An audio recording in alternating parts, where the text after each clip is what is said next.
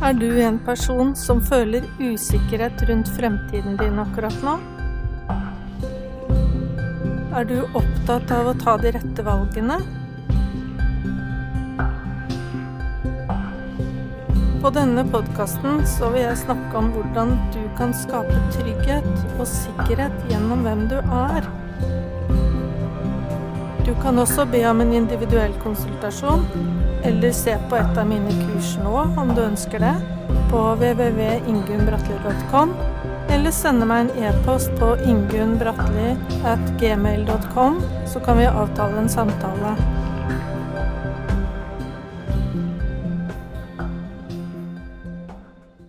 Velkommen så mye til min podkast. I denne episoden så blir tema varsling. Så vil jeg også ha en gjest med meg. Velkommen skal du være, Laila. Takk for det. Vi skal snakke sammen om din varsling og mm. litt om prosessen. Og så har du kanskje litt råd til slutt? Ja, jeg har det. du har varslet i skole, er det sånn? Ja, det stemmer. Hva var det som gjorde at du blei en varsler? Jeg tror i utgangspunktet ingen som tenker at de er en varsler. Jeg tror de bare ønsker å få orden på en ting som ikke fungerer. Og tenker ikke på seg sjøl som varsler. Det gjorde i hvert fall ikke jeg. Min sak begynte etter en veldig dårlig sammenslåing av skolene. Daværende rektor Toril Askestad overkjørte meg ved en karaktersettingssak på skolen. Rektor er under veldig stort press for å ha gode resultater og lite frafall. Vår skole var, ingen, eh, var ikke annerledes enn andre skoler sånn sett. Nei, det var vel ganske tøft på skolene? Ja, det var veldig tøft. Flere av oss merket eh, presset å sette karakter på elever som egentlig vi ikke hadde grunnlag for å sette. Dette her var en HS-klasse, helse-sosialklasse, og eleven hadde over 40% fravær og var veldig lite aktiv i timene.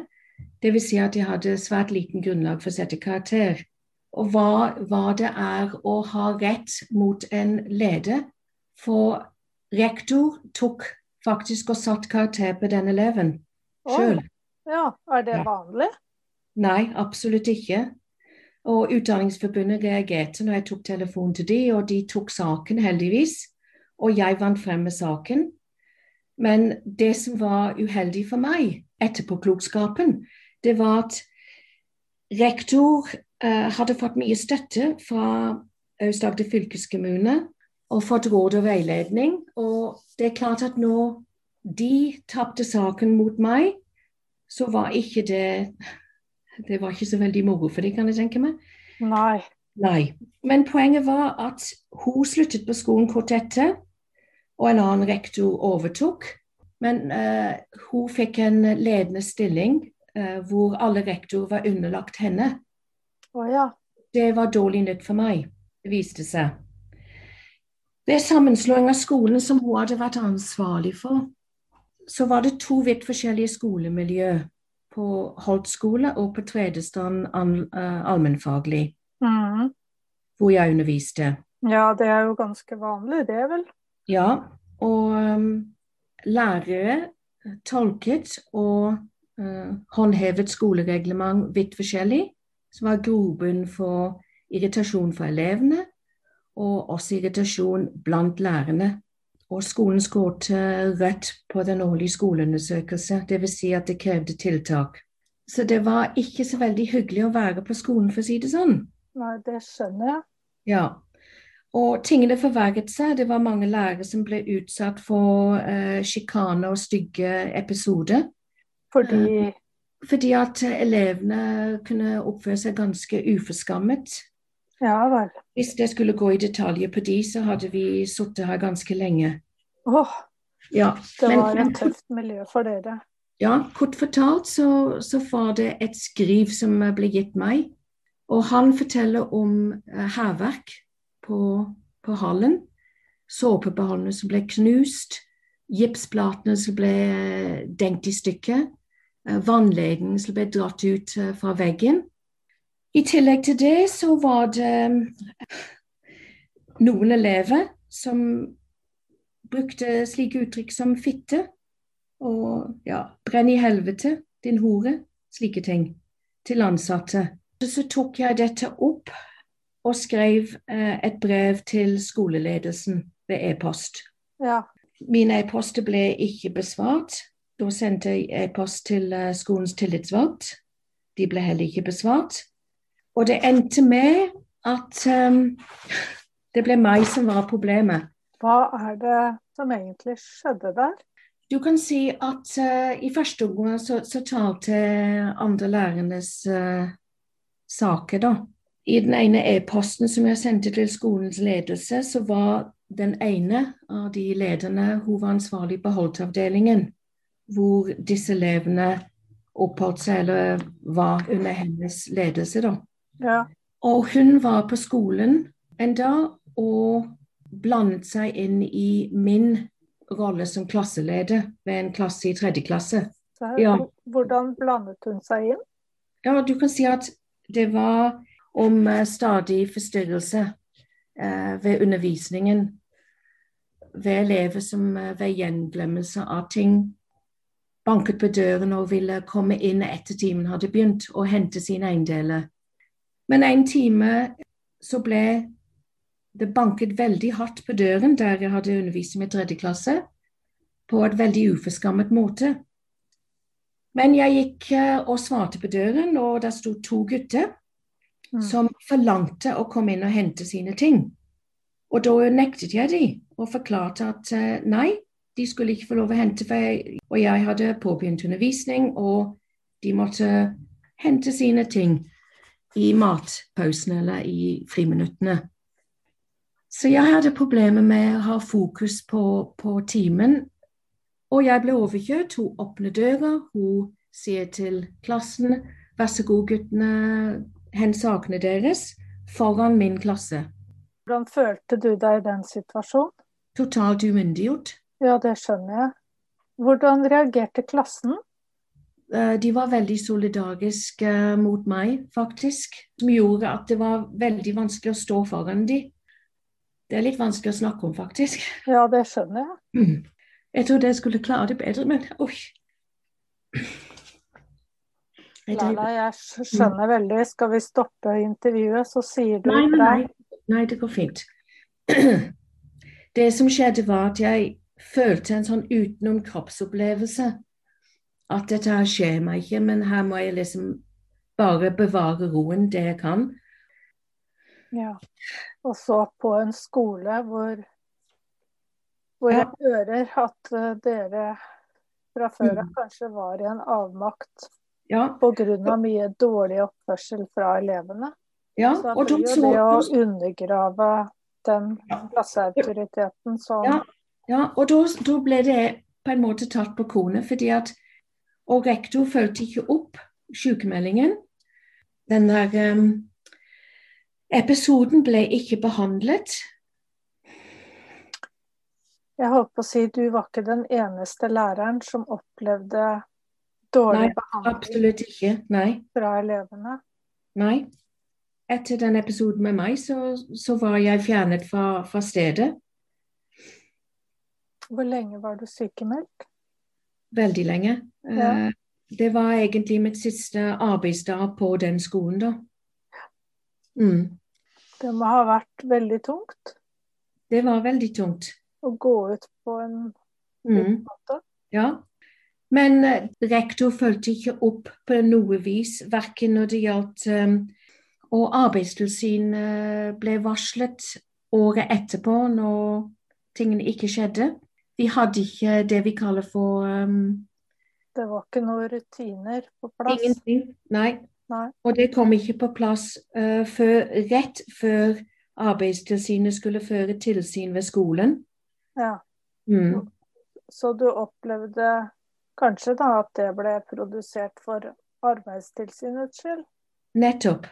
Mm. Nettopp. Og det, heldigvis var det andre som uh, var helt enig med meg om. Ja. Um, Men her Det- var det i utgangspunktet, som du fortalte, to skoler med to ulike miljøer. mm, det var jo mange ting som hang litt i lufta når det gjaldt arbeidet med miljø på denne skolen. Ja, det var, det var bagatellisering av saker på skolen. At rektor tok ikke tak i sakene. Hærverk som skjer på inventar, som koster Aust-Agder fylkeskommune mange tusen kroner.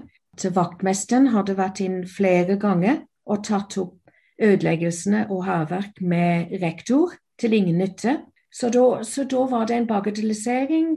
Det skulle ties stille om alt dette hærverket og hva som foregikk. Det høres ut som eh, det var fullstendig fravær av ledelse ved denne skolen? Ja, og jeg kan fortelle deg et hårreisende episode etter at jeg hadde blitt sykmeldt.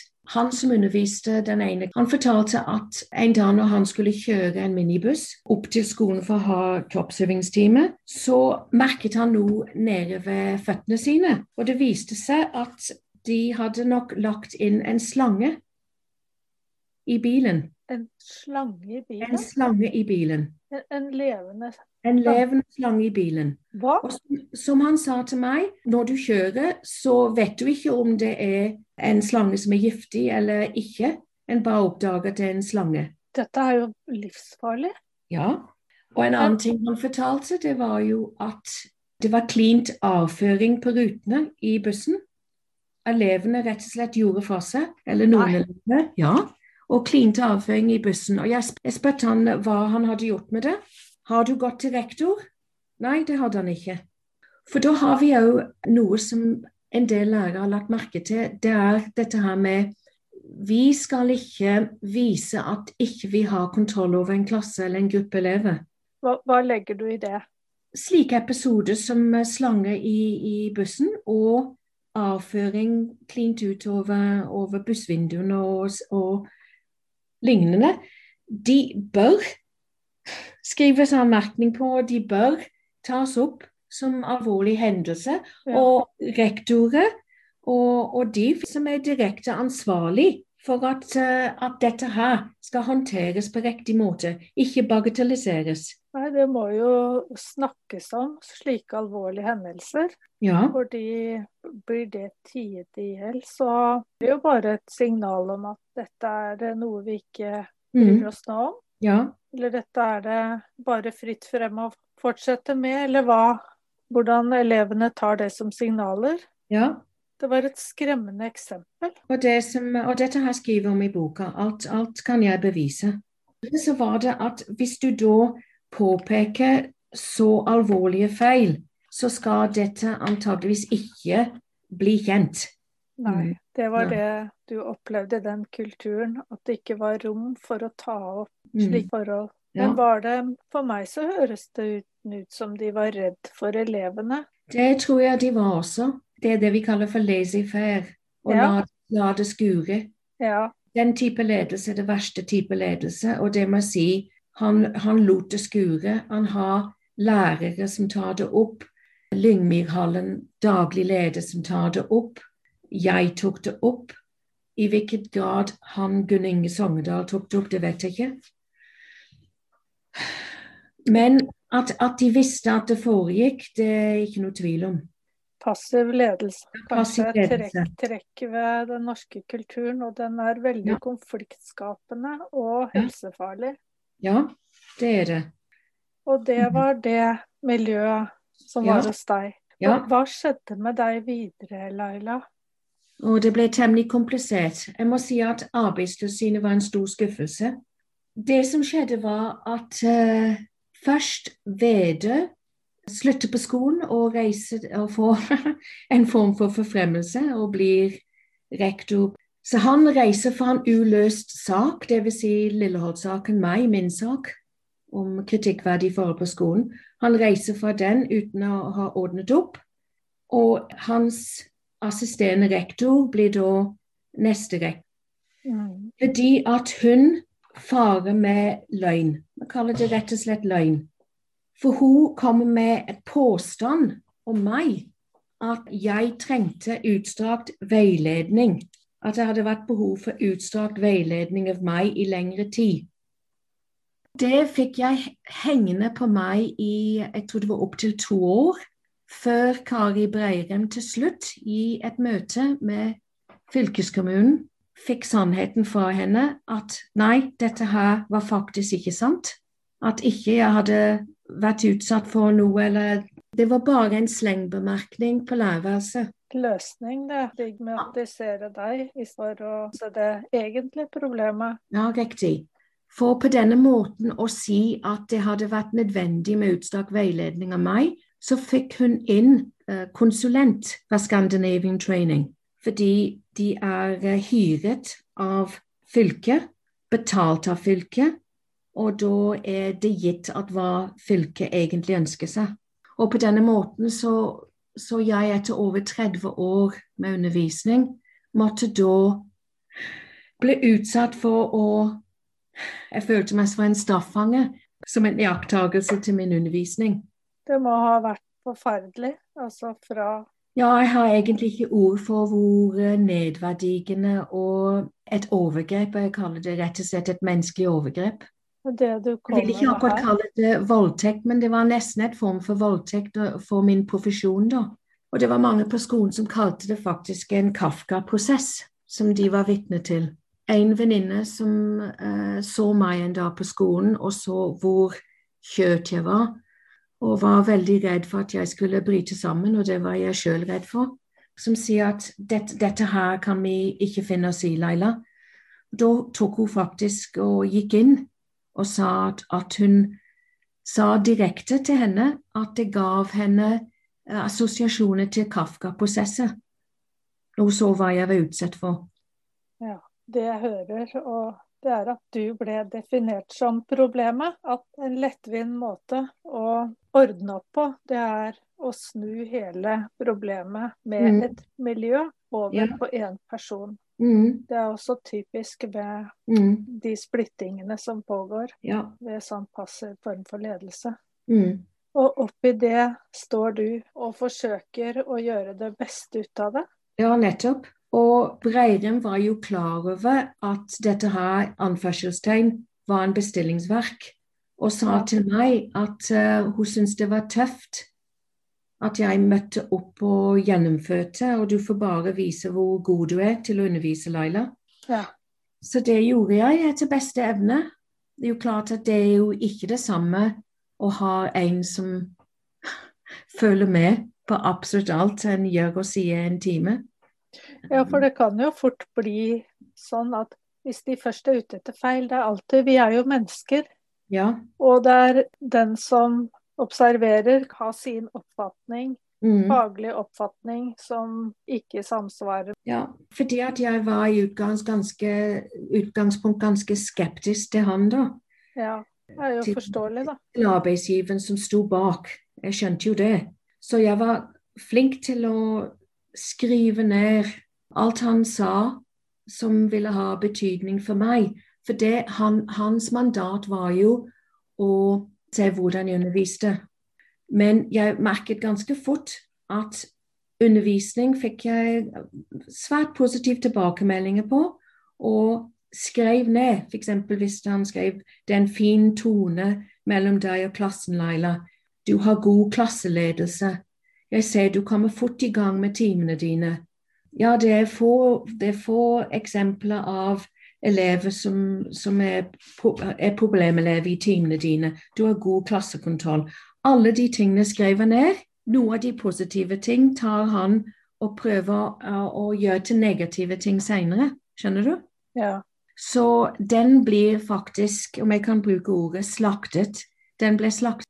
Kan jeg få spørre, er det vanlig å eller engasjere noen for å observere og skrive en rapport om ja. dere leder, lærere på den måten? Ja, jeg vet ikke hvor utbredt det er, men jeg vet at det brukes sånn, eh, sånn undersøkelse. Det har vært ganske mye oppe i media nå. Men ikke nødvendigvis bare undervisningspersonell. Men jeg vet om flere saker hvor det har vært tilfeller, ja. Men, men, mm. du ble jo Jeg har jo vært lærer selv, og ja. det er jo en klasseundersøkelse, en evaluering av mm. av læreren. Men ja. sånn som jeg oppfatter med deg, så ble mm. altså du utsatt for en som fulgte deg inn i timene? En mann, og, og der møter jo du en klasse, elever. Ja. Og, og, hvordan ble det tatt imot av elevene? At du som læreren var under observasjon og til vurdering? Jeg fikk spørrende blikk, utrygge ansiktsuttrykk. Hva gjør han her? Hvorfor er han her? Er det vi som er vurdert her? De forsto ja. ikke sammenhengen. Og det er jo klart at det ble ikke denne ledige, mer avslappa Det vet du sjøl òg, som er lærer. Nei. Det vil jo være slik at eleven også sitter litt På nåler. På nåler, ja. Mm. Det var slik det, det opplevdes også. En kunstig situasjon.